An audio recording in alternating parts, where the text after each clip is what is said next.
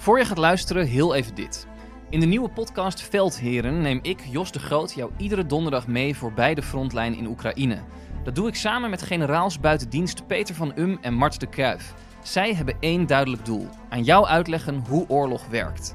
Volg Veldheren in jouw favoriete podcast-app.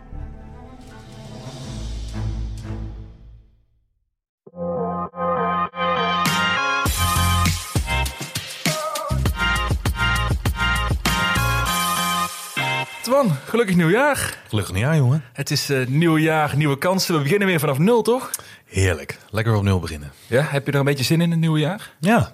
Ja, het is altijd wel een beetje vreemd natuurlijk met een nieuw jaar. Waardoor het nieuwe jaar geeft er niks om dat het uh, in één keer 1 januari is. Maar uh, ja, ik vind het altijd wel... Ik heb niet echt goede voornemens en dat soort dingen. Want ik probeer een beetje gedurende het jaar die, die voornemens op te stellen en waar te maken. Slaagt niet altijd.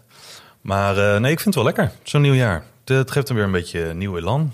Nieuw jaar, nieuwe kansen en nieuwe podcast. Nieuwe podcast. Dit is uh, de allereerste aflevering van Ja. De Lange Termijn. Ja, Wil je nog vertellen hoe lang we hebben gedaan over deze naam? Hoe lang we die... eh, een hele lange termijn. Ehm, ja, nee, hoe lang heeft het geduurd? Een maand of zo? Ja, klein, ja, ik denk ook kleine Ja, maand kleine inderdaad. maand. Om puur Ja, alleen maar een naam over- uit te zoeken. Over alles waren we binnen een uur eens. Maar eh, de naam vinden, dat, eh, maar ja, dat heb je toch altijd. Ja, Je ja. Je vindt het zo belangrijk om een goede naam te verzinnen. En toen moesten we ook nog op de domeinnaam eh, wachten. Ja, die, die- moesten we ook nog even claimen. Die toevallig twee weken nadat wij de naam bedacht hadden uit quarantaine kwam. Ja. Opeens kon hem kopen terwijl hij jarenlang in bezit was van iemand anders. Heeft zo moeten zijn. Dus bedankt degene die me heeft opgezegd.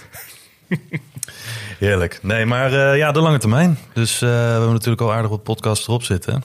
Hoe hebben we er eigenlijk gedaan? Ik denk dat we er vier of vijf hebben gedaan, geloof ik. Ja, vanuit, eh, nee, vier of vijf hoor, denk Echt? ik. Ja, ik denk het wel. Maar je hebt natuurlijk een gastrolletje gehad in het begin. Ah, ja. Maar echt de volle aflevering, een beetje deze flow, vier of vijf. Ja, voelt voor mij als jaren. Maar het is eigenlijk, ja, eigenlijk ja het voelt als ja. Overal lekker dat rimpels goed- en... eh, Goed signaal dat je me nu, nu al zat bent na vier afleveringen.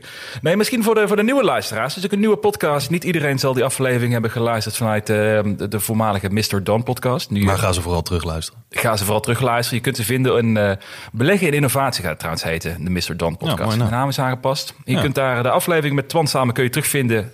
Nu ook genaamd De Lange Termijn. Dus dat is heel makkelijk. Dan weet je waar we, wat we uitgespookt hebben om tot dit punt te komen.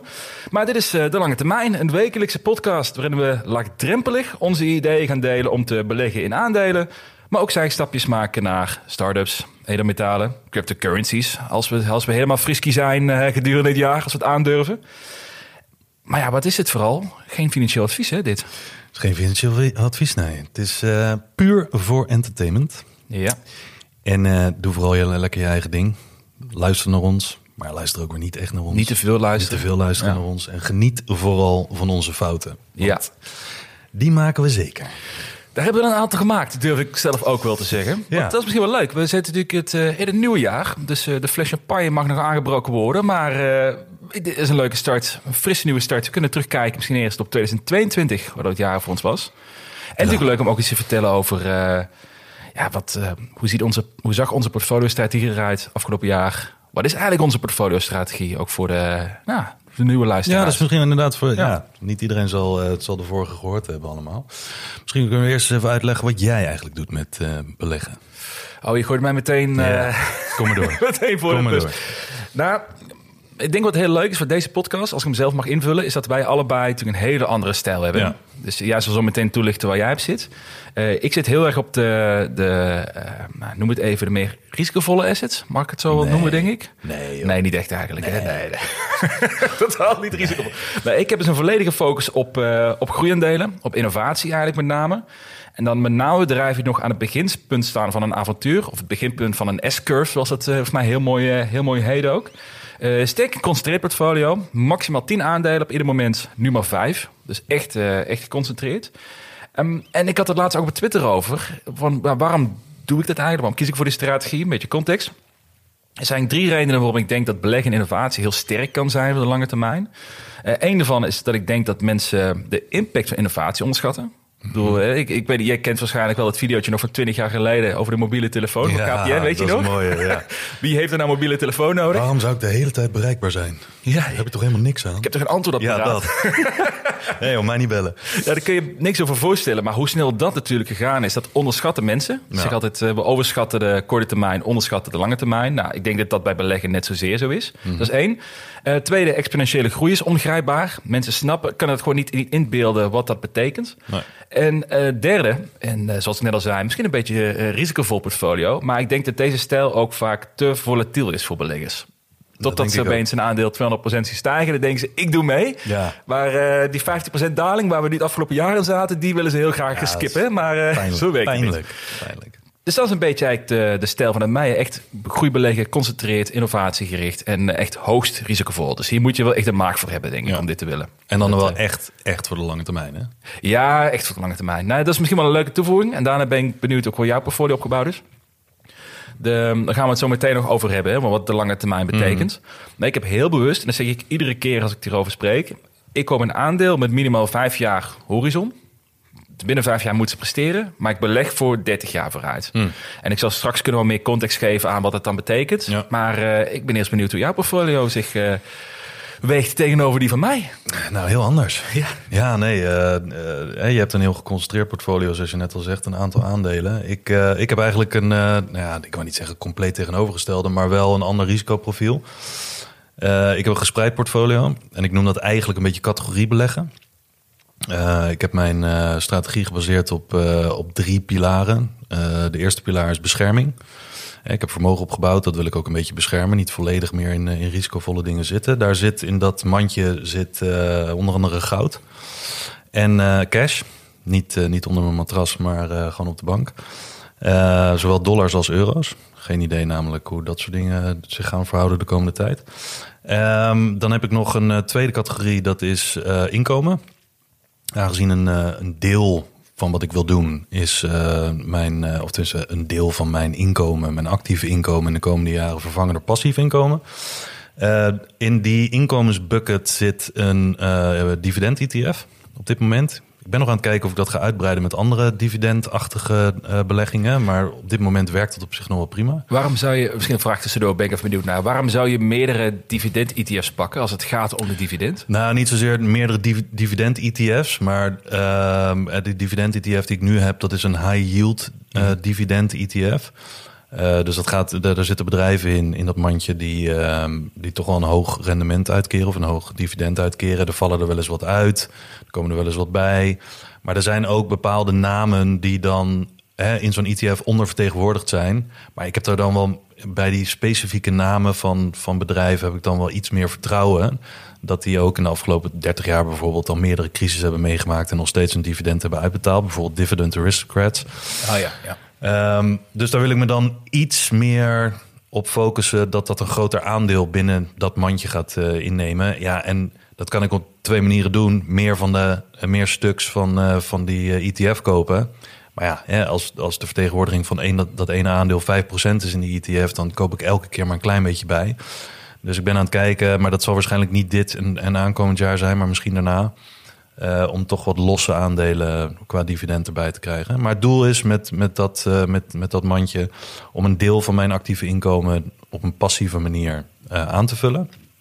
Niet dat ik nooit meer wil werken, maar het is fijn om gewoon wat, wat cashflow te hebben op andere manieren. Ook vanuit je beleggingen. Dus zodat je je belegging niet hoeft te verkopen om uiteindelijk winst te realiseren. En dan heb ik nog de derde bucket. Dat is groei. Ehm, ja, daar zit eigenlijk alles in wat, een, eh, wat eigenlijk in jouw eh, volledige Dat portfolio zit. Dat is, jouw, dat is jouw volledige eh, portfolio. Eh, nou ja, daar zitten startups in, crypto, zilver zie ik daar ook een beetje in. Ehm, en wat is het? Startups, crypto, zilver en groeiaandelen. Waarom zilver? Ja, is, ja daar kunnen we een hele podcast over vullen. Maar zilver is wat dat betreft voor mij een relevant metaal. Eh, omdat het een, een, monetair aspect heeft. Maar ook, dat, het is het al een tijdje geleden kwijtgeraakt... of grotendeels kwijtgeraakt monetair aspect. Dat heeft goud meer eh, in zich. Eh, maar het wordt ook gebruikt in de industrie. Sommige mensen die vinden koper bijvoorbeeld een, eh, een, een, een metaal om in te beleggen. Omdat dat uh, ook veel gebruikt wordt in de industrie. En zilver wordt ook gebruikt. Um, en het, het is nog steeds echt geld. Maar waarom, ik bedoel meer, waarom gebruik je dat? Waarom is het onderdeel van je groeionderdeel? Nou, het is heel volatiel. Mm. kijk, als je kijkt naar bijvoorbeeld goud, dat heeft gestaag uh, zijn werk gedaan in de afgelopen, nou, wat is het, 50 jaar. Um, dat, dat groeit gestaag, maar zilver is heel explosief. En kan dus ook echt heel lang op een laag punt staan of heel, heel zwaar dalen. Uh, het is tot nu toe nog nooit meer op. Het is volgens mij het enige edelmetaal wat nooit meer op zijn top is gekomen. wat het uh, tientallen jaren geleden heeft bereikt. Dus uh, het, is, het is een heel aparte categorie om in te beleggen. Maar dat hoort in die zin bij mijn groei goede bucket. ik ga meteen kijken. Weet je dat zilver, uh, dat dat in mijn allereerste portfolio was ook zilver een best wel een significante positie. Echt? omdat wat jij zegt, het gaat best wel snel. Ja. Maar ja, je wil niet weten waar ik vandaan kom, man. Ja, mijn man. eerste portfolio, dat, uh, dat was... Dat, ik denk dat mijn portfolio, mijn eerste portfolio heel erg aansluit bij jouw big portfolio. Oh ja? Je hebt ook goud, zilver, nou voornamelijk zilver, veel value aandelen, dividend aandelen. Oh, dus dat, dat is helemaal veranderd bij jou? Ja, we ontwikkelen een beetje de andere kant op, heb ik het idee. Alhoewel, volgens mij zei je wel, je hebt nog een tijdje gehad dat je heel erg in uh, groeiaandelen en tech zat, toch? Mm. Periode. Ja, en die periode komt er ook weer aan. Want kijk, heel veel mensen, daar krijg ik ook vaak opmerkingen over van... Ik geloof dat jij het ook tijdens een afgelopen podcast hebt gezegd. Heel veel mensen hebben het idee dat mijn portfolio heel defensief is. Ja. Maar dat is het omdat het op dit moment defensief is. En dat is omdat mijn, hè, mijn strategie is eigenlijk gebaseerd op... ik wil altijd die drie buckets hebben, dus bescherming, inkomen en groei. Maar de weging van elk onderdeel kan verschillen van jaar tot jaar. Dus en nu is het een onzekere periode. Vorig jaar heb ik uh, aan het eind van het jaar heb ik toch wat meer defensieve uh, keuzes gemaakt. Dus ik heb mijn beschermingmandje uh, en mijn inkomensmandje wat groter gemaakt. en mijn groei wat, wat afgeschaald. En nu ben ik mijn groei weer wat aan het opschalen. Omdat ja, er zijn meer kansen. Hè, we zitten toch al een tijdje in een bear market. Dat wil niet zeggen dat die al voorbij is. Um, maar de kansen liggen dan bij groei. En uiteindelijk wil ik groei gebruiken om mijn andere twee potjes mee aan te vullen. Dus inkomen en bescherming. Om zodoende steeds een treetje hoger te komen en niet alles meer op het spel te zetten. Uh, maar nu is de tijd voor mij. En ik ben eigenlijk bijna alleen nog maar een overwegend. Ik denk 80% van wat er nu waar ik nu mee bezig ben qua investering, waar mijn cash heen gaat, is, uh, is toch gericht op groei. Nu, nieuwe aankopen die je doet. Nieuwe aankopen. Ja, ja, ja, precies. Ja, ik vind het wel altijd. Ik vind dat een hele interessante. Ik denk dat je een, een hele logische strategie ook kiest ervoor. Want je kan gaan schaven binnen je portfolio mm. waar je de meeste uh, kansen ziet op dat moment. Um, ik denk dat dan een gebrek kan zijn binnen mijn portfolio. Want ik heb alleen maar groei en ik heb alleen maar tech. Dus als die sector slecht gaat, zoals afgelopen jaar, dan, ja. dan, dan is er geen houden meer aan. Uh, Anderzijds, wat me wel lastig lijkt, ook in de strategie van, is dat je continu nadenken bent en moet, ja. een beetje moet speculeren van waar gaat het komende jaar heen en waar ja. gaat het heen. Is dat, dat lijkt me ook wel ingewikkeld eigenlijk. Ja, nou, het is niet echt zozeer, dat, dat klopt. Je bent veel aan het nadenken, maar over het algemeen, kijk, ik doe dit nu 16 jaar. Ik, ik denk er nu een stuk minder over na dan wat ik uh, 10 jaar geleden bijvoorbeeld deed, want het zit iets meer in mijn onderbewuste en in mijn, in mijn ervaring. Dus je doet van nature al wat meer dat soort dingen. Je ziet ook wat meer signalen. Je, je voelt je onderbuik. En je denkt op een gegeven moment van oké, weet je, net als met crypto. Nou ja, in 2017 zat ik daar best wel ja, heavy in. Ik kreeg zo'n hoogtevrees. En op een gegeven moment dacht ik van ja, de, leuk al die rendementen erbij. Maar ik wil toch wat meer, hè, wat meer veiligheid ook aan de andere kant. Want ik voel, voel die hoogtevrees gewoon te erg en ik lig ervan wakker. Maar ik bekijk het over het algemeen, dat soort wijzigingen. Nou laten we zeggen, ja, het is altijd te makkelijk om te zeggen aan het eind van een cyclus. Ja, wanneer houdt de cyclus ja, op? Wanneer begint de volgende? Maar dan ga je speculeren, dus al heel snel denk ik. Ja, maar dan ga ik, nou ja, ja, je gaat speculeren op marktbewegingen. Je gaat misschien speculeren op, op de signalen die je ziet en wat het dan betekent voor de komende jaren. Maar uh, ik heb gewoon een bepaalde verhouding en een systeem daarin. En als dat te ver uit het lood getrokken wordt.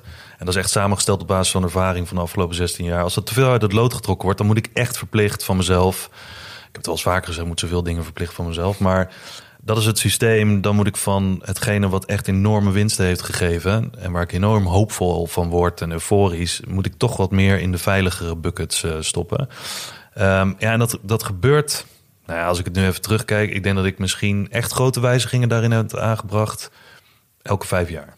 Oké. Okay. Dus oh, het is niet elk jaar. Nee, en het valt natuurlijk mee wat je zegt. Dat je, je kan gewoon switchen tussen drie categorieën eigenlijk. Ja. Het is niet dat je meteen je hele portfolio van defensief naar, naar groeiendelen gooit. Maar je doet een beetje mee bewegen eigenlijk. Precies. En het is ja, ook, ja. kijk, Weet je, zeg, eh, ik, heb een, eh, ik heb een verdeling van, eh, nou, noem maar iets, volgens mij mik ik nu op een verdeling van, of nee, dat had ik vorig jaar.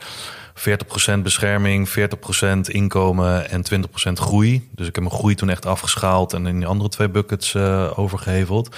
Maar ik hevel het niet alleen maar naar elkaar over, hè, wat betreft bestaande beleggingen, maar ook nieuw inkomen wat er komt. Waar gaat dat voornamelijk naartoe? Dus dan krijg je uiteindelijk al een verdeling die zich wat meer recht trekt door nieuw kapitaal wat je toevoegt.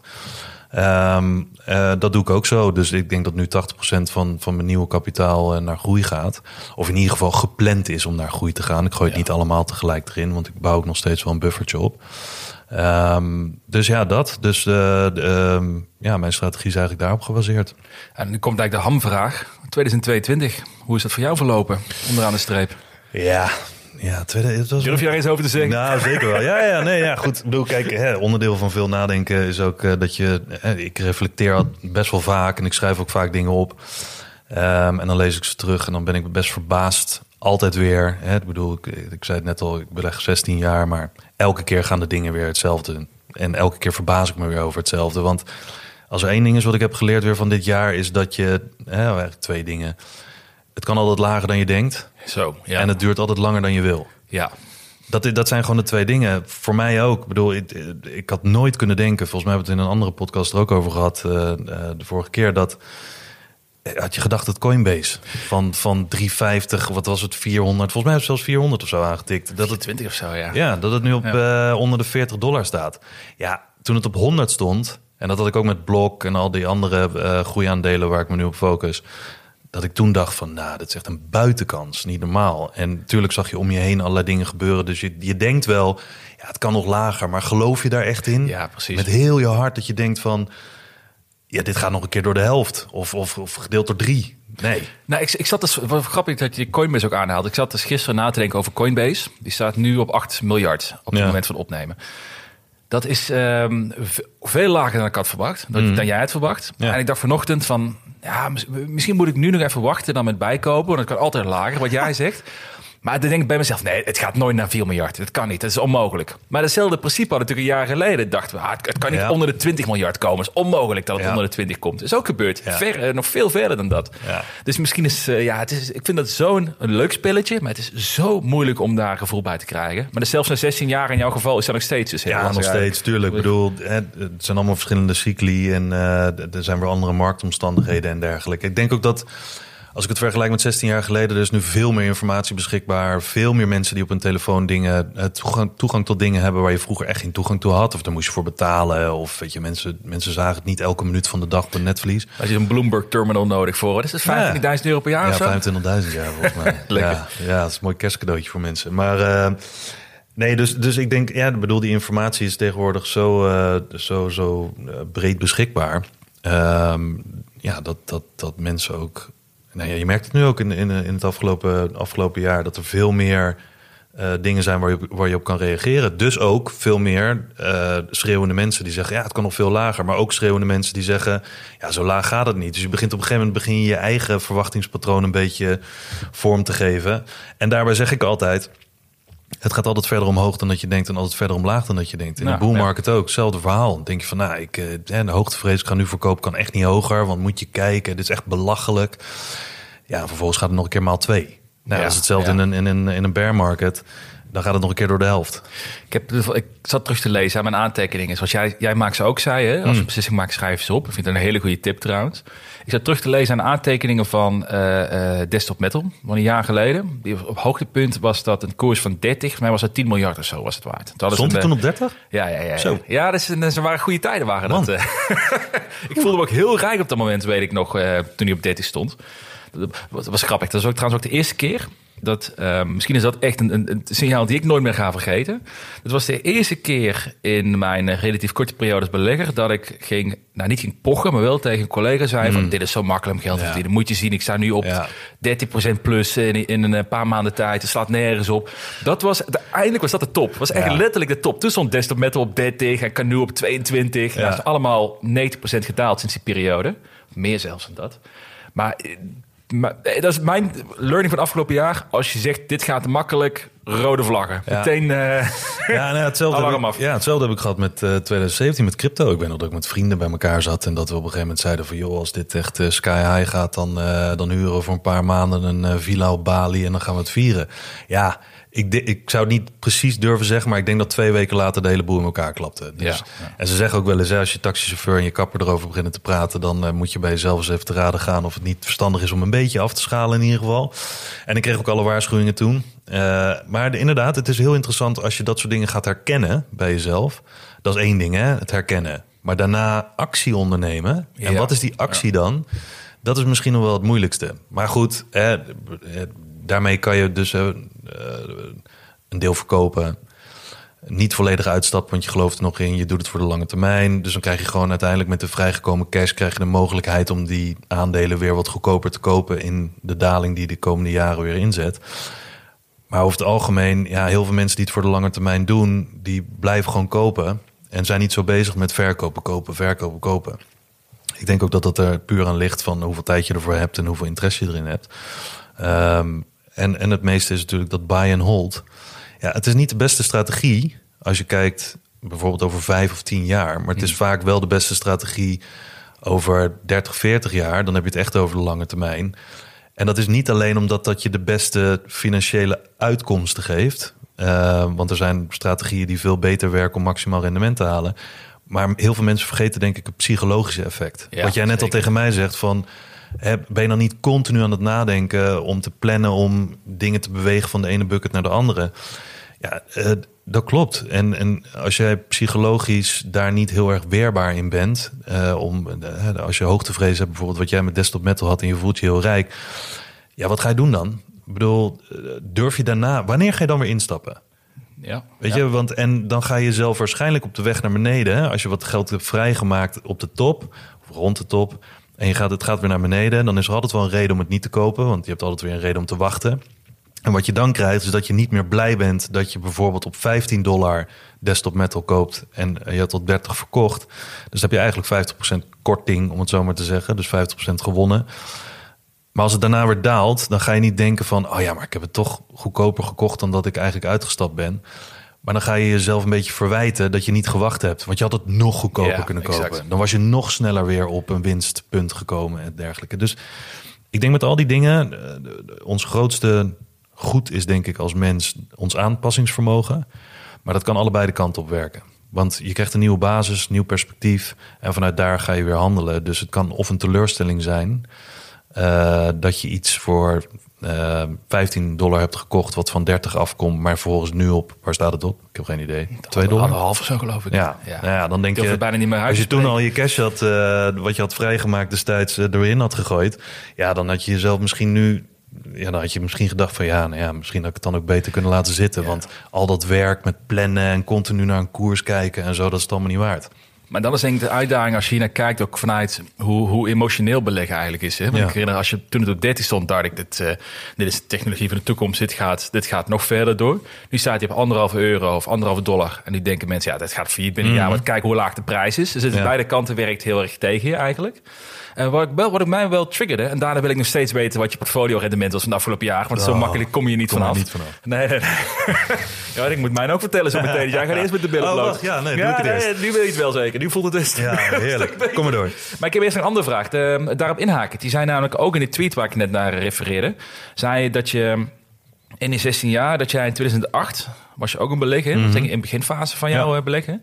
Toen zei je dat het daarna drie jaar duurde voordat je weer nieuw geld durfde in te leggen Ja. in het beleggen. Ja. Was het dan echt, was dat vanuit de, omdat je de ervaring had van het was zo hard gedaald, je durfde niet meer, maar dat kostte alleen maar geld? Of was je het vertrouwen verloren? Of hoe, hoe ging dat dan? Nou ja, dat was eigenlijk een mix van dingen. Kijk, ik ben in 2006 begonnen en ik had eh nou, het merendeel van mijn spaargeld erin zitten en in een paar aandelen, waaronder Apple bijvoorbeeld. En dat was voor mij heel veel geld, want dat had ik best wel met een, ja, met een laag salaris. Eh, ik had ook niet heel veel kosten, maar ik, ik hield niet heel veel over per maand wat ik kon beleggen. En ik had best wel wat spaargeld opgebouwd voor mijn doen toen.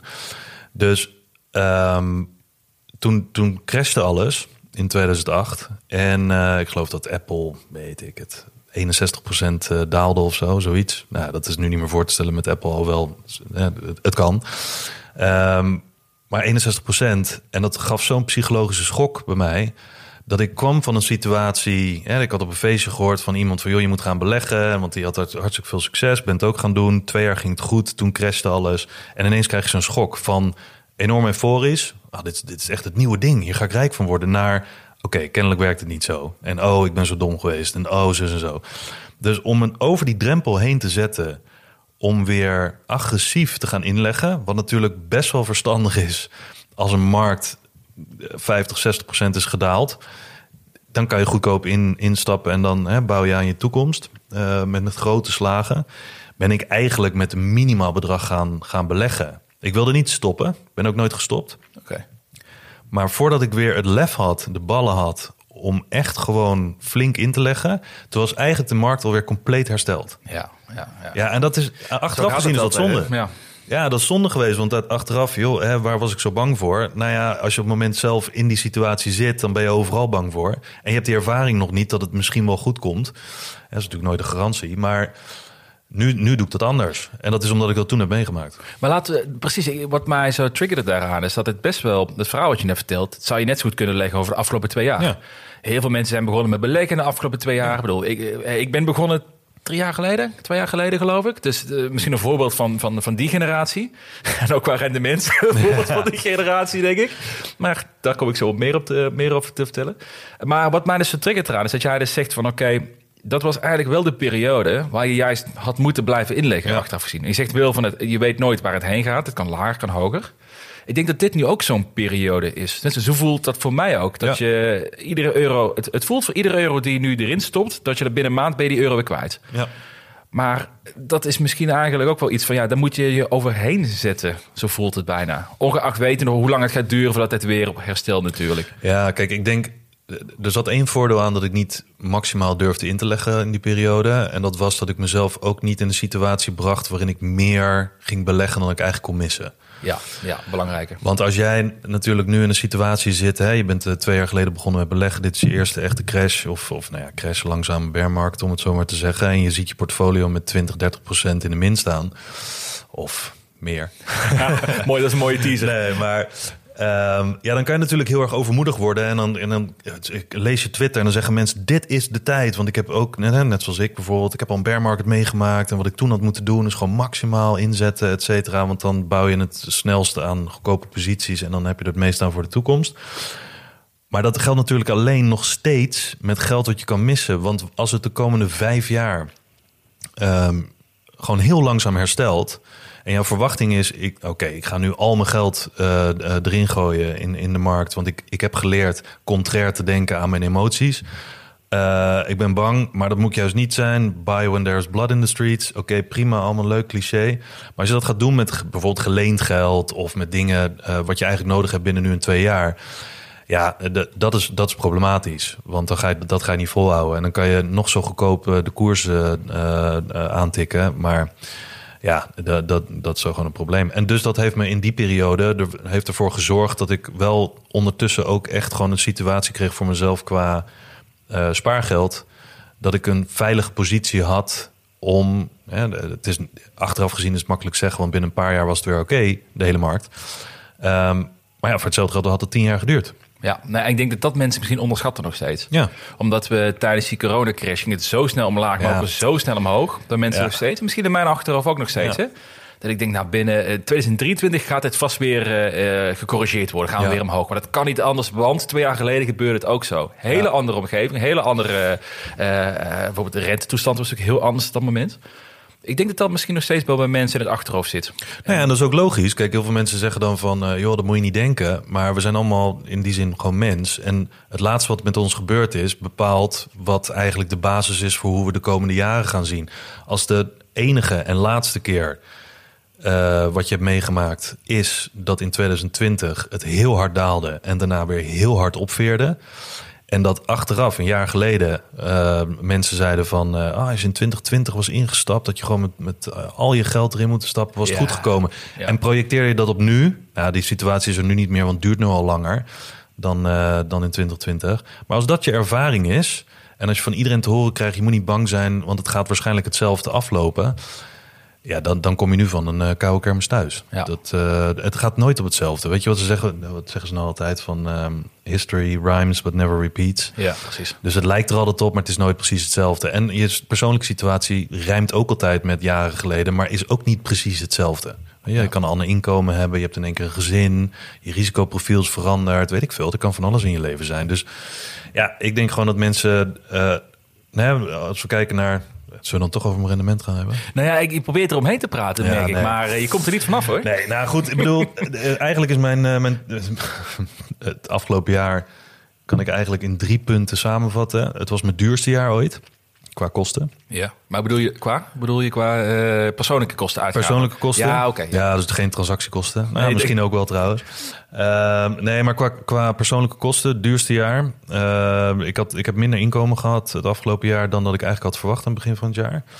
Ehm, en eh, een flinke daling op de beurs. Ja, ik moet deze week eens even kijken waar ik precies op ben geëindigd. Maar het zal ergens tussen de min 20 en min 25 procent eh, zal het liggen. Ehm, dat, is, hè, dat is niet mijn ergste jaar, om het zo maar te zeggen. Want ik heb denk ik drie jaren gehad in de afgelopen 16 jaar die erger waren. Als het gaat om procentdaling. Eh nou ja, wat ik net zei in 2008, eh, volgens mij was het min 59 procent, mijn hele portfolio. Dat was natuurlijk niet met, vergeleken met nu met heel veel geld. Ehm, dus dit jaar voelt redelijk pijnlijk. Ehm, eh, alles wat meer dan min 20 procent is, ja, vind ik toch niet heel prettig. Ja. Maar ehm, ook weer niet zo erg als dat ik van tevoren had gedacht. Als je me dit had gezegd begin van het jaar dat dit er zou gebeuren, dan had ik toch best wel wat stress gehad. Ook omdat min 20% nu met een behoorlijk belegd vermogen eh, ja, voelt wel redelijk eh relaxed. Ja. Ehm, maar ja, dus, dus ja, iets meer dan, eh, dan min 20%. En ik ben nog steeds optimistisch. En, en er is een reden waarom ik nog steeds optimistisch ben. Ik, ik denk twee redenen. Eén denk ik omdat door een beetje ervaring ik me niet zo snel meer in die zin uit het veld laat slaan. Ja, kan gebeuren. Dit soort jaren horen erbij. We hebben ook hele goede jaren gehad. Wat had je dan verwacht? Dat dat de komende 20 jaar, jaar op jaar, allemaal met 30% stijgt? Denk het niet. Dus dit hoort er gewoon bij. Dit soort dalingen. Maar ook, en ik denk dat mensen dat ook niet moeten onderschatten, wat, de, wat het effect is van een beetje cashbuffer hebben. Hm. Want als ik, gehoord. Nee, nee, dat maakt ook niet uit, joh. Joh, heb het een andere keer over. Nee, maar ehm, een, een cashbuffer in die zin heeft voor mij best wel wat ontzorgd. Omdat met dalende koersen, als je volledig ge- geïnvesteerd bent... en je gaat marginaal van je inkomen bijleggen... en je hebt al een flink portfolio... ja, dat zet niet echt heel veel zoden aan de dijk. Dus ik ben het jaar begonnen volgens mij, nou ja, uit mijn hoofd... met 30% cash. Ehm, ik kwam van 10% cash het jaar daarvoor. Dus ik heb redelijk wat cash gezet. En ook redelijk wat inkomen aangevuld in mijn cashbuffer niet gelijk belegd. Maar zijn het aandelen die je dan verkocht hebt? Of is het gewoon dat je nieuw geld, nieuw inkomen niet meteen hebt? Nee, allebei. belegd? Dus, dus ik heb ook een heel deel verkocht. Maar dan vooral, hè, waar ik aan het begin van, van de podcast zei... eh, mijn groeimandje, die was toch wel redelijk groot. eh, af, eh, eind vorig jaar. Of tussen eind 2021 moeten we dan eigenlijk zeggen. Ehm dat is altijd weer mooi, hè? In de eerste fase dat je dan weer... Hè, vorig jaar, wat? Huh? Ja, we moeten even wennen eraan een nieuw jaar. ja, maar eh, dus ik heb, ik heb best wel wat, wat verkocht. En vooral crypto, een paar start-ups, eh, wat groeiaandelen, eh, een goede ETF die ik toen ook had. Daar, wa- daar was ik toen net bezig met, eh, met opbouwen. En dat heb ik eigenlijk deels cash gezet en een deel naar eh, die dividend-ETF gedaan. Ehm, en ook de inkomsten dus uit die dividend-ETF, die ik dus ook kwartaal gebaseerd krijg, eh, zonder dat ik er iets voor hoef te doen, dat gaat nu ook naar groei. Oké, ja. Dus eh, daar koop ik in die zin niet zoveel wat ik in het verleden wel heb gedaan, dividend-ETF-stukken bij. Eh, maar vooral omdat ik nu de kans zie in groei. En dan niet voor het komende jaar misschien, maar wel voor de komende 15 jaar. ja, dus, ja, ja. dus dat, dat was mijn jaar. Klinkt eigenlijk, het valt eigenlijk nog wel mee. Hoe was jouw jaar eigenlijk? Ja, leuk dit. nee, nee, nee, ik, ik wil zeggen, met 20% valt eigenlijk nog wel mee inderdaad. Als je kijkt naar wat we allemaal hebben meegemaakt dit jaar. Met eh, geld dat uit de markt gehaald is geworden. Vanuit, eh, met name vanuit de Fed natuurlijk. Europa is voor mij wat trager daarin. Hmm. Ehm, renteverhogingen. Dus ik denk wat dat betreft dat je nog niet eens... Maar dat is misschien het voordeel dus van zo'n divers portfolio. Hè, waar je een beetje kan, gaan, kan schuiven en ook je defensieve dingen op orde hebt. Ja. Dat is misschien wel lekker. Ja, daar komt misschien een beetje het nadeel van mijn portfolio op de hoek kijken. En dat is als je, eh, wat ik in het begin al vertelde, als je zo sterk geconcentreerd bent op één specifiek domein, zoals tech, en zeker dit type bedrijf waar ik in zit, die echt in de voorpunt, eh, voorkant staan van een avontuur. Dan kan het heel hard omhoog, maar het kan ook eh, minstens zo hard omlaag. Ja. En dat heb ik het afgelopen jaar wel gemerkt. Dus ik denk dat ik het jaar ben geëindigd op min 50, min 60 procent. Denk Ja. ik, in absolute zin. Zo. Dus dat is best een, best een forse daling. Ja, Dus eh, het is ook echt was een killing jaar natuurlijk voor groeiaandelen. Want ja, je ziet het, iedere aandeel die verliesgevend is, die, die leningen nodig heeft om te kunnen blijven groeien, die had het gewoon zwaar. ja. Ik, ik hoorde een mooie opmerking op eh, Twitter van iemand voorbij komen. Die zei van, ehm, eh, als, je, als je groeiaandelen belegt, je, je aandelen zijn min 60% gedaald. Dat is oké. Min 90%, dan is gewoon een kudaandeel. Daar komt het op neer. Dus dat, eh, daar, heb, daar heb ik wel een paar van. Dus ik was het niet helemaal eens met die tweet. Wel, Is er eentje, ja, serieus, heb je aandelen die, die 90% zijn gedaald? Nou, misschien niet het, het afgelopen jaar, maar bijvoorbeeld als je kijkt vanaf hoogtepunt tot nu, wat niet helemaal fair is natuurlijk. Zijn er wel een, eh, ja, desktop metal Ja. ik sta nu op anderhalf, is 95% gedaald. Uh, Canoes stond op 22 hoogtepunt, zijn nu op 1,20 euro. Is ook iets van, eh er zit ook bijna 95% gedaald. Maar niet 95%. vanaf je gemiddelde aankoopkoers, toch? Nee, nee, denk, ik denk dat de grootste verliezen zijn ehm ja, rond de 60, min 60, min 70 procent. En dat zal dus de Canoes desktop metals zijn die ik al twee jaar gewoon continu aan het kopen ben. Dus dat, eh, dat is wel pijnlijk. Ja. Maar anderzijds, het, kijk, het, je zou bijna een voordeel in dit geval noemen. Het is ook zo volatiel dat het ook weer in één jaar om kan slaan. Ja. Ook. Dus bijvoorbeeld zo'n desktop Metal is nu 400 miljoen waard. Canoe is 400 miljoen waard. Nou, ze hebben één sterk jaar qua omzet en vertrouwen nodig. En het gaat maal twee, maal drie. Ja. Dit soort, dat kunnen dit soort aandelen ook. Eh, het kan ook nog drie jaar duren of nooit gebeuren natuurlijk. Ja. Maar, dus ik maak mij minder... Ik, ik denk in bepaalde vorm dat mijn min 60% misschien qua, qua eh inhaalkans ergens wel te vergelijken van misschien met, met 20% als je in ETF zit of misschien iets breder zit. Ik weet niet of jij dat ook zo ervaart. Maar Hmm. Ja, want er zijn natuurlijk beleggingen die, die dalen harder. Bedoel, dat is volatiliteit. Die dalen harder en, en stijgen dan weer sneller. En met een ETF, een brede ETF, ja, misschien daal je min 10%, maar vervolgens het jaar daarna stijg je weer 12%. Ja, dan sta je weer kiet. Eh, dat kan. Eh, maar en wat je ook al zei, ja, daar moet je het risicoprofiel voor hebben. Het enige risico wat je natuurlijk wel hebt, en dat is bij ETF's natuurlijk eh, nou ja, minder. Sowieso, nou ja, zeg nooit dat er een garantie is dat het niet mis kan gaan. Maar de- eh, kleine kans dat het misgaat. Het grootste risico wat jij hebt is dat, of eigenlijk twee dingen zijn het risico bij jouw aandelen. Eén, dat het bedrijf kapot gaat. ja, zeker. Dat is, een, dat is een risico. Bij de een zal dat groter zijn dan bij de ander. Maar ook dat qua koers het zo hard daalt, dus zeg 90%, en de komende 10 jaar gewoon een beetje aanmoddert. Ja, Dat het Ja, gewoon een absoluut. beetje een langzame dood eh, krijgt. Ehm, zijn er aandelen bij jou in je portfolio waar je da- daar rekening mee houdt? Of Nou, ik hou bij allemaal wel rekening mee dat het echt naar nul kan gaan ook. Eh, misschien in mijn hoofd misschien niet genoeg, want dan had ik misschien iets meer divers mogen zijn in het portfolio. Daar ben ik me van bewust. Maar ehm, een goed voorbeeld is denk ik eh AST Space Mobile. Eh, Die, eh, zij hebben een, een, een, net, een satellietnetwerk aangelegd waardoor je wereldwijd verbonden kan zijn met 5G waar je ook bent ter wereld, zonder dat je een satelliettelefoon nodig hebt. Ja. Ja, als voorbeeld Apple en eh, eh, wat is dat? Uh, Dingeslink? Uh, Spacelink? Nee? Starlink. Starlink. Die, eh, die claimen dezelfde technologie te hebben, maar die kunnen alleen met een sms'je die je verstuurt. Dus een hele, Ah. hele andere tak van sport. Alleen als die technologie niet werkt, als ze niet mas, eh, schaalbaar krijgen, gaat hij gewoon naar nul. Ja. Binnen nu en drie jaar. Dat, dat, is een, dat is een zekerheid. Wat, dat is echt do or die? het is echt do or die. Nou, dan heb ik bij een paar andere aandelen wat minder. Eh, Origin Materials, ook zo'n eentje. Als het technisch schaalbaar is, gaat het ook naar nul toe. Dus het risico zit er wel degelijk, eh, wel degelijk in. Maar je hebt wel in, in die zin het risico ingebakken in je portfolio, want dat zijn wel je twee kleinste posities, toch? Ja, dat klopt. Die hebben allebei 3 tot 5 procent, geloof ik. Dat is, Ja, in mijn precies. portfolio is het heel laag. Eh, als, als vergelijk, desktop met de Canoe zitten pendelen er vaak tussen de 25 35 procent van het portfolio. Dus dat, Ja. dat scheelt wel. Daar, zie ik het niet, daar zie ik het niet snel mee gebeuren. Maar zeg nooit nooit. Hè. Dat, ik bedoel, er zijn genoeg signalen dat daar ook mis kan gaan natuurlijk. Ehm, Maar de, als je, hè, 2022, je hebt een behoorlijk verlies. Wat, wat is je grootste les geweest van 2022 met beleggen? Ja, dat vind ik een goeie. Ehm, ik denk twee lessen. Ik denk één daarvan ik ook zo'n zo'n beetje cliché ding, maar ik vind het wel een mooie, is eh, cut your losers and let your winners ride.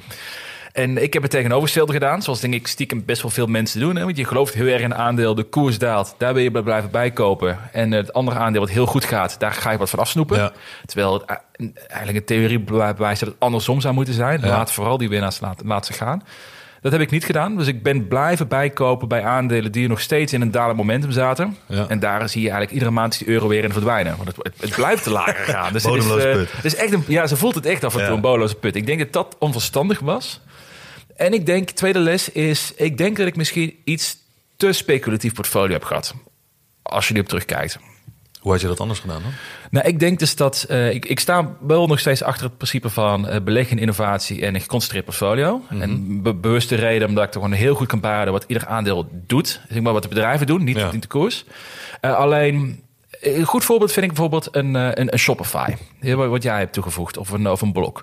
Dat zijn bedrijven die hebben al een beetje een legacy. Die, hebben, eh, die, die worden door honderdduizend miljoenen mensen zijn daar gebruiker van. Je kunt zien dat daar een goede groei in zit op alle bedrijfsmetrics daar zou ik meer in moeten investeren. Denk. Ja. In de bewijs, bewezen bedrijven die al een mooie groei laten zien, die niet meer gaan verdwijnen, want ze hebben al een flinke impact op Dat zou, ecosysteem. dat zou binnen jouw portfolio dan meer een anker geven, maar nog steeds innovatief zijn. Exact, ja, Ja. exact. Dus wat, dat is het perfecte, perfecte woord. Iets meer eh, eh, ankerachtige portfolio, eh, eh, aandelen in portfolio. Daar moeten er minimaal vijf ook zijn. En dan heb je ook ruimte om iets meer speculatief te zijn. Ja. Met een AC Space Mobile 3D printing, dat soort zaken. Ja. Ik denk dat ik daar iets te veel mee doorgeslagen, achteraf gezien ook. Vanuit het idee van, ja, 2020 ging alles ook eh, maal 3 tot, tot maal 10. Dat kan met deze aandelen ook weer gaan gebeuren. Misschien is dat een wijze les van mij geweest. Dat het eh, te Ja. geconcentreerd was in die type aandelen. Ga je dat in, in het komende jaar anders doen dan? Eh, ja, ja, ja, ja, ja. Nou, dat is misschien wel leuk om dat te hebben over 2023. Oh nee, voorspellingen. Ja, het komende jaar. Nou, niet voorspellingen, maar misschien wel onze strategie. Misschien is dat wel, eh, wel leuk. Weet je, wat willen we dit jaar? Eh, Daar hebben we ook iets om naar terug te kijken over eh, 52 afleveringen. maar nu je toch dat eh, voorzetje geeft... ehm, ik denk niet, niet veel veranderen, maar ik ga wel uitbreiden naar 10 posities. Wilde ik Ja. eigenlijk al afgelopen jaar, maar dit jaar ga ik dat... Nu ga ik het echt doen. nu echt? En die, en die heb je ook klaarstaan? In de zin van in je hoofd of op een lijst? Of... Ja, ik heb wel een watchlist, eh, watchlist van denk ik 20 aandelen. Dus een, een Shopify, een blok staat erop en eh, nog een aantal. Daar zal ik binnenkort misschien eens meer over vertellen welke dat zijn.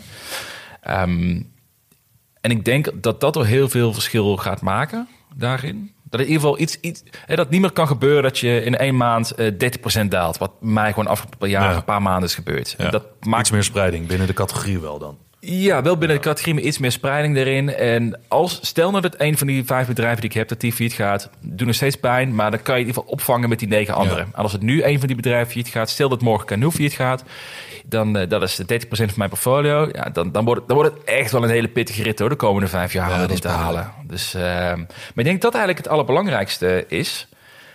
En allerlaatste, dadelijk ben ik benieuwd ook vanuit jou, 2023. Ik denk dat belangrijk is, is dat je ook durft uh, uh, vast te houden aan de strategie waar je in gelooft. Ja.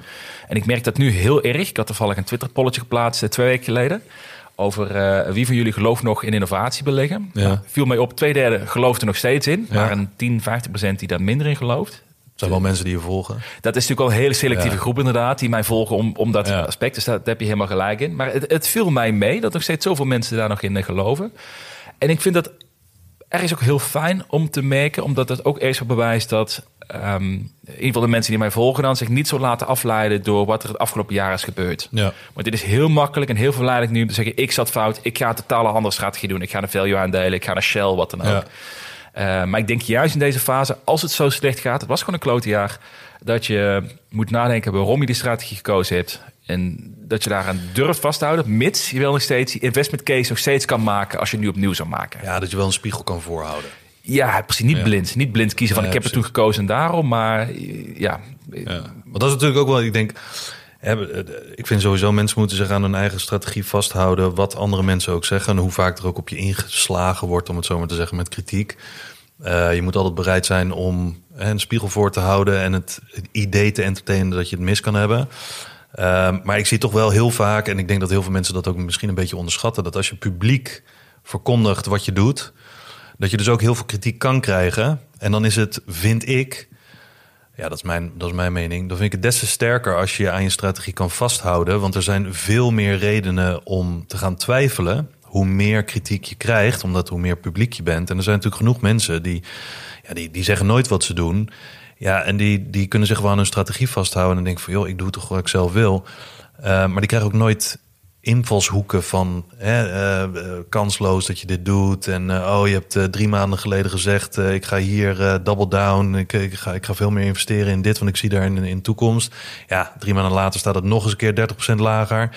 Je krijgt wel continu gewoon, ja, hoe zeg je dat? Gewoon een beetje een negatieve reflectie, om het zo maar te Nou zeggen. ja, eh, wat nuttige feedback, denk ik. Ja, maar weten- je wordt er wel, je wordt er wel, ja, je wordt er wel, ja, ik wou niet zeggen anti-fragile van, maar hoe meer er op, op je overtuiging wordt ingeslagen door jezelf, hè, de- want je gaat ook zelf twijfelen en je gaat op zoek naar allerlei dingen, je ziet dingen voorbij komen op Twitter, je ziet mensen reageren op dingen, hoe meer erop je wordt ingeslagen en hoe, en als de uitkomst is dat je nog steeds vasthoudt aan je strategie en je hebt alles overwogen of zoveel mogelijk, zoveel als kan, dan heb je echt wel een solide basis, denk ik. Ja, ja. Want ja, dat zeggen ze toch altijd van eh, iets wat heel lang eh, heel veel testjes krijgt en heel veel, ehm, eh, ja, nou ja, dat noemen ze letterlijk anti- anti-fragile. Dus eh, hoe, meer, hoe meer er misgaat en hoe meer er dan weer herstelt en hoe meer kansen je hebt om het, om het aan te passen. Eh, en nog steeds voor dat traject blijft kiezen, dan, eh, dan heb je een goede, goede case voor jezelf, denk ik. Ja, ik denk dat je gelijk hebt. En vooral denk ik in principe dat je daar ook voor, ook wel voor open moet staan. Ik bedoel, eh, als je erover praat, moet je ook kunnen accepteren dat mensen af en toe wat weerwoord geven daarover. En dat is Tuurlijk. sterk, denk ik. En ik vind dat de meeste feedback is, eh, is ook, nou, ik wil niet zeggen niet onterecht, het is ook gewoon terecht feedback die Ja, erover ja. zijn. Van, je hebt, ik krijg soms wel een tweet van, je hebt veel te veel risico genomen afgelopen jaar. Ja. En als ik die tweet lees, denk ik van, ah, joh, doe, eh, en jouw portfolio dan? die ja, ja, reactie. ja. Maar als je er twee seconden later over nadenkt, denk ik, ja, misschien heeft hij wel gewoon gelijk. Misschien was dat wel een learning van mij waar ik iets mee moet doen. Maar dat krijg je wel alleen als je het publiekelijk durft uit te spreken. Dus eh, En ik denk dat heel veel mensen daarvan kunnen leren. Ook, hè, ik bedoel, stel dat er mensen zijn die hier naar luisteren en die, die, die nooit hun beleggingsreis delen met iemand anders. Ik denk dat het heel waardevol kan zijn, want we zijn heel vaak bang voor kritiek van wa- wat als ik het mis heb. Ja. Maar ik denk juist dat je daarvan kan leren. Dus, dus als je het met je vrienden bespreekt en die zeggen van je bent gek dat je dit doet. Ik hoor het ook vaak. En ik heb het zeker in de afgelopen jaren, misschien de afgelopen tien jaar, als ik dat even breder trek, heel vaak gehoord. En het was niet zo dat ik daardoor een andere koers ging varen. Maar ik ging wel toch even, net zoals jij zegt, van oké, misschien kan ik een paar dingen aanpassen. Want ik word hier best wel onzeker van. En dan dacht ik, oké, hoe kan ik hier zekerder van worden? Nou, toch misschien eventjes wat dingen bijlezen of weet ik veel wat. Dus ik, eh, ja, nee, zeker een goeie. En wat ik dus wel interessant vind, en dat is eh, meer een constatering, is je merkt dat mensen aangetrokken zijn tot succes. Hè? Hmm. Dat zie je heel erg ook op Twitter. Mensen vinden het fijn om mensen te volgen die het goed gedaan hebben, want dat wil ik ook, dat Ja. gevoel. De, ehm, wat mij opgevallen is, is zodra je dus een jaar of twee, in mijn geval gewoon minder presteert en mensen wel nog steeds interessant vinden wat je doet, maar je gaat wel meer weerstand krijgen Ja. natuurlijk. Hè? Enigszins ook wel terecht. Anderzijds zie je mensen die heel erg terugverwijzen naar hun successen van eh, twee, drie, vijf jaar geleden. Van ik heb dat toen goed gezien. Die krijgen heel veel eh, meestanders krijgen Ja. daarin ook. Het zou mij niet verbazen, dat is eigenlijk dat is hoe het werkt, maar het zou me niet verbazen. Stel dat groeiaandelen de komende drie jaar echt als, een, als gigantisch gaan lopen knallen. Dat mijn portfolio maar 10 gaat. Even heel speculatief. Zeg dat gaat gebeuren. Ik denk dat mijn Twitter-base ook maar 10 gaat. Ja, Puur niet Ja, alleen door, content Ja. anders wordt, maar dat mensen het willen volgen wat Ja. je doet. En dat is denk ik ook wel iets om eh, een voorspelling, niet over de, de beurs, maar over drie jaar, als groeiaandelen gaat, is mijn Twitter-account volgt mee. ja nee, maar dat denk ik ook. Ja, succes doet eh, volgen. En ja. mensen zijn op zoek naar een antwoord. En, en de snelste manier om veel geld te verdienen in die zin. Het, het zijn wel de mensen die het snelst ook je verlaten op het moment dat het dan weer slechter gaat. Dat is ook Dus zo. organisch ja. gezien ja, heb je meer natuurlijk aan een vast kringetje van mensen die daar door dik en dun, hè, ook zo cliché, maar daarin blijven, blijven mee, eh, meereizen. Zeker waar. Hey, 2023 voor jou, wat gaat dat betekenen? Nou ja, goed, eh, ik ga niet zoveel veranderen. Eh, mijn koers eh, ligt al een beetje in die zin grotendeels vast dat ik eh, me voornamelijk op groei ga, ga focussen. Mijn andere buckets zijn eigenlijk al wel redelijk voorzien. Durf je nog steeds in groei te beleggen nadat wij elkaar al een paar weken spreken? Ja, zeker. Zolang ik niet in EST Space Mobile ga zitten. Nee hoor, grapje. Nee. Zolang je mijn wishlist kan shorten, dan... Je moet je even naar me sturen dan.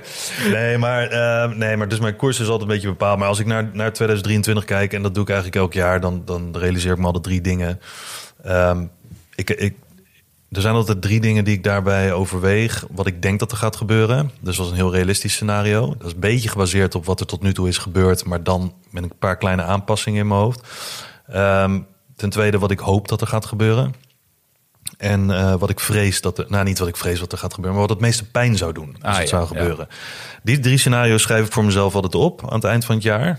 Ehm, en de beurs heeft er niks aan, want eh, ik bedoel, eh, die weet niet dat het 1 januari is. Maar ehm, die schrijf ik altijd op en dan ga ik kijken, oké, moet ik hierdoor, wat, wat, is de, wat, geef ik elk scenario voor kans? En wat is de impact als dat scenario zich gaat afspelen? Want natuurlijk een heel desastreus scenario, wat een heel pijnlijk scenario zou zijn, ehm, dat heeft veel meer impact op mij als belegger, maar ook als op mens en, hè, iemand die een gezin heeft, dan, ehm, dan een heel hoopvol scenario en, en een realistisch scenario. Maar realistisch gezien denk ik dat, eh, dat we een beetje van hetzelfde krijgen volgend jaar. Ik denk niet dat er een geheel nieuwe trend. Ik bedoel, dat is echt gebaseerd op het afgelopen jaar. Ik denk een beetje van hetzelfde. Ik denk wel dat we nog ergens een, een, een diepe daling kunnen krijgen. En dan misschien ook ergens nog een, een flinke run, bijvoorbeeld. Maar ja, een beetje van hetzelfde. Um, Grosso modo een beetje plat eigenlijk door het jaar heen. Van ja, een beetje, een beetje plat of, of, gewoon ja, Niet best wel, best wel Ja. veel. Ja, wel spannend in de zin van volatiliteit. Maar over het geheel getrokken het jaar in die zin geen, geen enorme dingen. Hier en daar wat schokjes en dat soort dingen. Maar eh, wat ik hoop dat er gaat gebeuren is eigenlijk heel anders dan wat ik mensen zie zeggen. Dat ze hopen dat er gaat gebeuren. Want er zijn heel veel mensen die hopen dat er een soort draai komt van de centrale banken. En dat daardoor weer heel veel meer eh, goedkoop geld de wereld in eh, komt. Dat het naar de aandelenmarkt gaat en dat we een enorme stijging krijgen. Dat, dat de bear market voorbij is of dat we nog een enorme melt-up krijgen. Dat is eigenlijk niet mijn hoopvolle scenario. Want ik, hè, omdat we gefocust zijn op de lange termijn, ik wil eigenlijk in het komende jaar zo goedkoop mogelijk posities opbouwen. Dus voor mij zou het allerbeste scenario zijn dat we eigenlijk ergens in het jaar, en het liefst het begin van het jaar, een hele diepe crash krijgen. Dankjewel. Ja. En dat die eigenlijk de rest van het jaar. Je weet dat we nu trouwens de, de 90% van de luisteraars nu verloren zijn. Dat jij hoopt dat we crash krijgen. Nee, maar ik, ik zeg alleen wat voor mij het meest. Nee, maar ook om een perspectief te bieden. Want heel veel mensen die denken van, joh, een crash dat zou rampzalig zijn. Maar als Ja, je het kan bekijken van een crash, dus als je cash hebt. Eh, of als je je inkomen hebt om te investeren, dan zou voor mij een diepe daling en dat het daar dan even blijft, dan zou ik goedkoop en dat het dan rustig weer eh, omhoog gaat. Dat zou voor mij ideaal zijn. Mijn meest pijnlijke scenario zou het omgekeerde zijn. Mijn meest pijnlijke scenario zou zijn dat we eh, omhoog schieten, daar blijven, het komende jaar.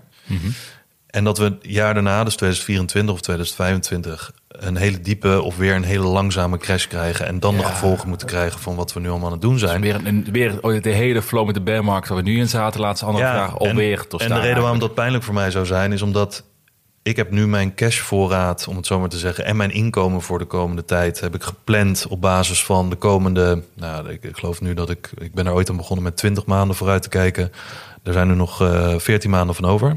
Dus tot aan januari, februari 2024.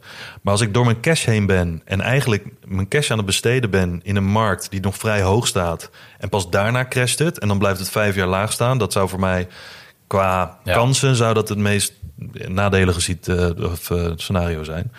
Maar goed, hè, bedoel, we weten niet waar het heen gaat. Eh, het meeste wat ik doe is nog steeds, en dat, dat, dat verandert niet het komende jaar. 80% van wat ik doe is gewoon maandelijks inleggen. 20% wat ik doe, daar probeer ik een beetje mee te timen. En voor het komende jaar blijf ik gewoon nog steeds experimentjes doen. Want naast categorie belegger ben ik ook eh, iemand die graag dingen uitprobeert met echt geld. Dus een Ja. beetje skin in the game. Dus dat, eh, dat vind ik ook leuk om te doen. Om te kijken wat voor portfolio's het nou het beste eh, doen in een markt zoals dit. Waarin heel veel mensen niet weten wat nou het beste werkt. Ja, je ziet van allerlei statistieken. Maar daar, ben ik, dat, daar ga ik in 2023 mee door. Ik vind Dus- het heel leuk trouwens hoe je dat doet. Je hebt zeven, zeven portfolio's geloof Ja. toch? Die je volgt erin. Ja. Die kunnen straks ook op eh, de langetermijn.nl volgen. Of, Ja. of via de gewone belegger.nl nog steeds volgen. Ja, daar kunnen we even een linkje op, eh, op, Dat, link eh, inderdaad. Ja. Ik vind het heel tof wat, wat je, je zegt. Dat je, je hebt daar zeven portfolio's opgebouwd. Mhm. Ook een Mr. Don portfolio, Ja. wat nog een beetje achterblijft. Ja. nog wel. Maar, maar wat ik heel tof vind, is dat wat jij zegt, is dat je, je kunt hiermee echt voor jezelf kun je gaan leren of ervaren inderdaad wat het goed doet in deze omstandigheden. Ja. En, maar je krijgt het ook zelf mee in plaats van dat je twee jaar later terugkijkt. Denk, oh ja, de koers ging omhoog, Ja. ging omlaag. Ja, en het zijn ook allemaal andere portfolio's dan dat ik zelf hanteer. Dus wat mijn hoofdportfolio is, mijn kernportfolio, die leg ik er dan natuurlijk ook naast. Ehm, en dan eind 2023 eh, heb ik ongeveer 15 maanden in die testportfolio's, in die schaduwportfolio's ingelegd. Wat echte portfolio's zijn, want er gaat echt geld heen en Ja. dan best wel wat ook. Ehm, want ik wilde dat niet met een paar tientjes doen. Want ja, weet je, dan kan je een beetje spielerij. En, en dan ervaar je de pijn ook niet als het, als het eh, voorbij komt. Ja. Ehm, maar eind 2023 ga ik die dingen naast elkaar leggen. En dan heb ik eigenlijk acht portfolio's die ik naast elkaar kan leggen. Diegene van mij en die zeven verschillende. Waaronder ook jouw portfolio. Ja, ik, ik was benieuwd. Wat krijgt de winnaar? Krijgt hij een, een, een slagroomtaart met een hele Ja, grote bitcoin nog- eh, erbovenop? Of, eh? nou, daar moet ik nog even over na gaan denken. Maar in ieder geval, ja, weet je, dus en mensen kunnen dat volgen. En, eh, en, en omdat het dollar cost averaging is, omdat er nu, nu natuurlijk ook veel mensen zeggen van, joh, in zo'n markt als dit heeft het helemaal geen zin om te dollar cost averagen, want je koopt, zoals je zelf zegt, elke 100 euro die je inlegt is over een maand 90 euro waard, omdat je hè, beleggingen dalen. Ja, dat kan. Maar dat, dat merken we dan aan het eind van eh, 2023, wat, eh, wat eh, ervoor heeft gezorgd dat eh, dingen werken. En ik krijg er nu al leuke vragen over. Dat mensen zeggen van, ja, wat zit er dan in deze? Want deze doet het schijnbaar veel beter. Ze zijn natuurlijk maar een paar maanden bezig nog, maar ja, dus hoe langer dat duurt, hoe meer eh, sample size je eigenlijk hebt. Ik heb eigenlijk nog, nog één vraag, korte vraag over je portfolio voor komend jaar. En daarna denk ik dat het goed is dat we gaan kijken naar, eh, zeg maar, afronden van wat, wat verstaan wij nou onder de lange termijn. Om de eerste aflevering langzaam een beetje af te, af te sluiten. Dan weten we waarom we dit doen. Maar ik heb nog één vraag. Eh, crypto 2023. Is dat iets waar je weer van plan bent om daar meer in te gaan doen in deze bear market? Of passeert je dat? Nee, eh, nou ja, onderdeel van mijn strategie nu voor mijn kernportfolio is gewoon dat eh, elke maand leg ik in op eh, Bitcoin en Ethereum. Oké, ook, oh ja, ook via de dollar cost averaging. ja. Dat heb je ook iedere Ja, maand een update Iedere over. maand. Dus blijf je dat ook gewoon doen. blijf ik ook gewoon doen. En mijn positie, hè, voor mensen die dat willen checken op, op mijn website, gewoon een belegger.nl. Maar mijn positie in crypto, en dat best- eigenlijk bestaat mijn crypto positie alleen uit Bitcoin en Ethereum op dit moment. Ehm, die wil ik opbouwen naar 20%. Er staat nu op 16% denk ik van mijn portfolio. Het mooie is dat wij ook- zelfs met crypto verschillen wij enorm hè, waar we voor kiezen. Ja. Jij kiest dan voor de grote, de Bitcoin Ja. en, eh, Ethereum. Eh, ik kies zelf meer voor, voor Cardano en Polygon. Ja. Zijn het weer de andere type, type coins? Maar dit maakt het zo interessant. Hè? Wij doen samen een podcast en we Ja. verschillen compleet, zelfs binnen dit soort. Ik bedoel, heel veel Ja. mensen zullen zeggen van, joh, crypto, doe normaal, eh, gebakken lucht, veel te risicovol. Maar zelfs binnen die sector heb je nog veel meer risico en minder risico. Dus en daar kiezen we dan ook kennelijk Precies. allebei voor de verdedigendere en de meer aanvallende strategie. Ja, Ja, ik, ik ben heel benieuwd waar dit het komende jaar gaat eindigen natuurlijk. Einde van het jaar. ik hoop niet in de put. Nee, nee, ik hoop dat, ik, dat we uit die put kunnen, of dat ik uit die put kan klimmen in ieder geval. Hey, maar misschien is het leuk af, afsluiten. Normaal gesproken bij deze afleveringen ook een oproep aan degenen die het leuk vinden. Je kunt eh, vragen insturen. We hebben veel ruimte altijd voor vragen van luisteraars. Dus dat eh, stuur ze in via Twitter, Instagram. eh, je, je weet ons te vinden. Links in de show notes. Eh, voor deze keer niet, want het was de eerste aflevering. Maar we dachten misschien wel leuk om af te sluiten ook met de lange termijn. Wat verstaan wij eronder? Waarom noemen we het zo? Maar vooral misschien ook een beetje context plaatsen van waarom wij deze stijl zo belangrijk vinden. Ja. Als ik het aan jou vraag, wat, waar, waarom vind jij dan de lange termijn? Wat versta je eronder? En hoe benut je dat als belegger? Ja, wat versta ik eronder? De- de- heel veel de lange termijn, mensen hangen, plakken er dan een tijd aan. Bijvoorbeeld een aantal jaren. Ik, eh, ik zie heel veel voorbij komen. Lange termijn is 20 jaar, is 30 jaar, is 40 jaar. Sommige mensen zeggen lange termijn is tot je pensioen. Eh, andere mensen zeggen tot aan je dood. Eh, het is maar net wat je eraan plakt. Ik denk dat wat mensen moeten, moeten beseffen... nee, laat ik niet zeggen dat wat mensen moeten beseffen... maar wat ik me besef... lange termijn voor mij qua beleggen is zonder horizon. Eh, ik neem me nu voor dat ik, ik bedoel, ik leg nu 16 jaar. Ik had 16 jaar geleden nooit gedacht dat ik nu nog zoveel met beleggen bezig zou zijn. Dat, eh, ik dacht vijf jaar, eh, dan wil ik mijn winst pakken en dergelijke. Maar, dus dat is al vrij lange termijn. Maar gewoon zonder horizon beleggen. Ik heb daar geen tijd voor. Dus dat zal waarschijnlijk tot aan mijn dood zijn. Eh, maar nog verder dan dat, ook voor mijn dochter bijvoorbeeld. Hè, want dat wil ik uiteindelijk ook overdragen. Eh, dus echt lange termijn bestaat voor mij niet uit een tijdsvak. Ehm, maar doordat je focust op de lange termijn, en eh, in dit geval ik focus zonder horizon, ja, kan je niet zeggen van nou, mijn doel is om in eh, 2050 zoveel te hebben. Dat heb ik niet als doel. Maar wat ik wel als doel heb binnen lange termijn, dat zeggen we, marathonrenners zeggen dat ook vaak, van ja, je moet je niet focussen op, eh, eh, weet ik veel, op eh, zoveel kilometer. Je, je moet je focussen op de eerste kilometer, als je nog nooit gelopen hebt. Dan op de tweede kilometer, dan op de derde kilometer. En dan uiteindelijk al die stapjes zorg ervoor dat je uiteindelijk klaar bent voor een echte marathon. En wat ze vaak ook zeggen, en daar ben ik het ook helemaal mee eens, is focus niet op de finishlijn, maar altijd op 10 meter voorbij de finishlijn. Want dan, hè, dan loop je nog met volle gang door die finish heen. En zo zie ik het ook voor mezelf. Ik wil elk jaar beter worden, meer leren, eh, dat toepassen. Eh, en ik denk in deze tijd dat heel veel mensen juist op zoek zijn naar snelle antwoorden, snel Ja, succes. ja. Maar dat is een heel, en dat is prima als mensen dat willen. Je moet lekker zelf doen wat je zelf wil. Maar lange termijn geeft zoveel voordelen, omdat pas op de lange termijn gaan dingen echt slagen maken. Hè, als, je begin, als je begint met 1000 euro en je hebt 100% rendement, dan sta je op 2000 euro. Dat heb je later niet zozeer meer nodig, eh, die 100% rendement per jaar, om echt slagen te maken. Maar als je alle grafieken ziet, bijvoorbeeld eh, van reken even met 7% rendement per jaar, dan zie je in al die grafieken dat pas na 10 of 12 of 13 jaar je rendement per jaar meer is dan wat je erin geïnvesteerd hebt.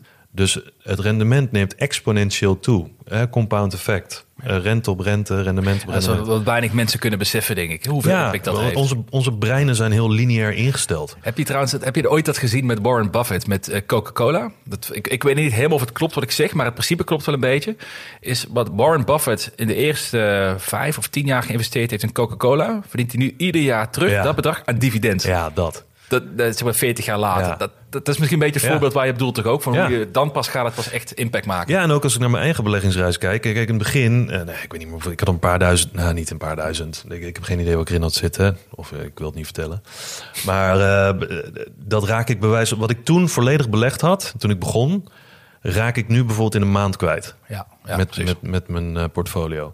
Maar dat betekent dus ook dat over tien jaar, als ik hiermee doorga, dat ik waarschijnlijk, ik hoop niet dan kwijt te raken wat ik nu volledig belegd heb over tien jaar, maar het gaat grotere slagen maken. Daarom zeggen ze ook vaak, je eerste 100.000 is heel belangrijk. Waarom? Omdat de relatie tot 100.000 euro met je kosten bijvoorbeeld per jaar en je inkomen per jaar is zodanig groot dat als jij 500% rendement haalt op 1000 euro in het begin, ja, daar kan je misschien drie maanden van leven. Mensen hebben toch een bepaalde Ja, betekenis bij wat de waarde van hun portfolio. Want ik denk dat niemand echt, nou ja, misschien zijn erbij, maar ik denk dat de meeste mensen niet denken: ik wil zoveel mogelijk geld in mijn portfolio verzamelen.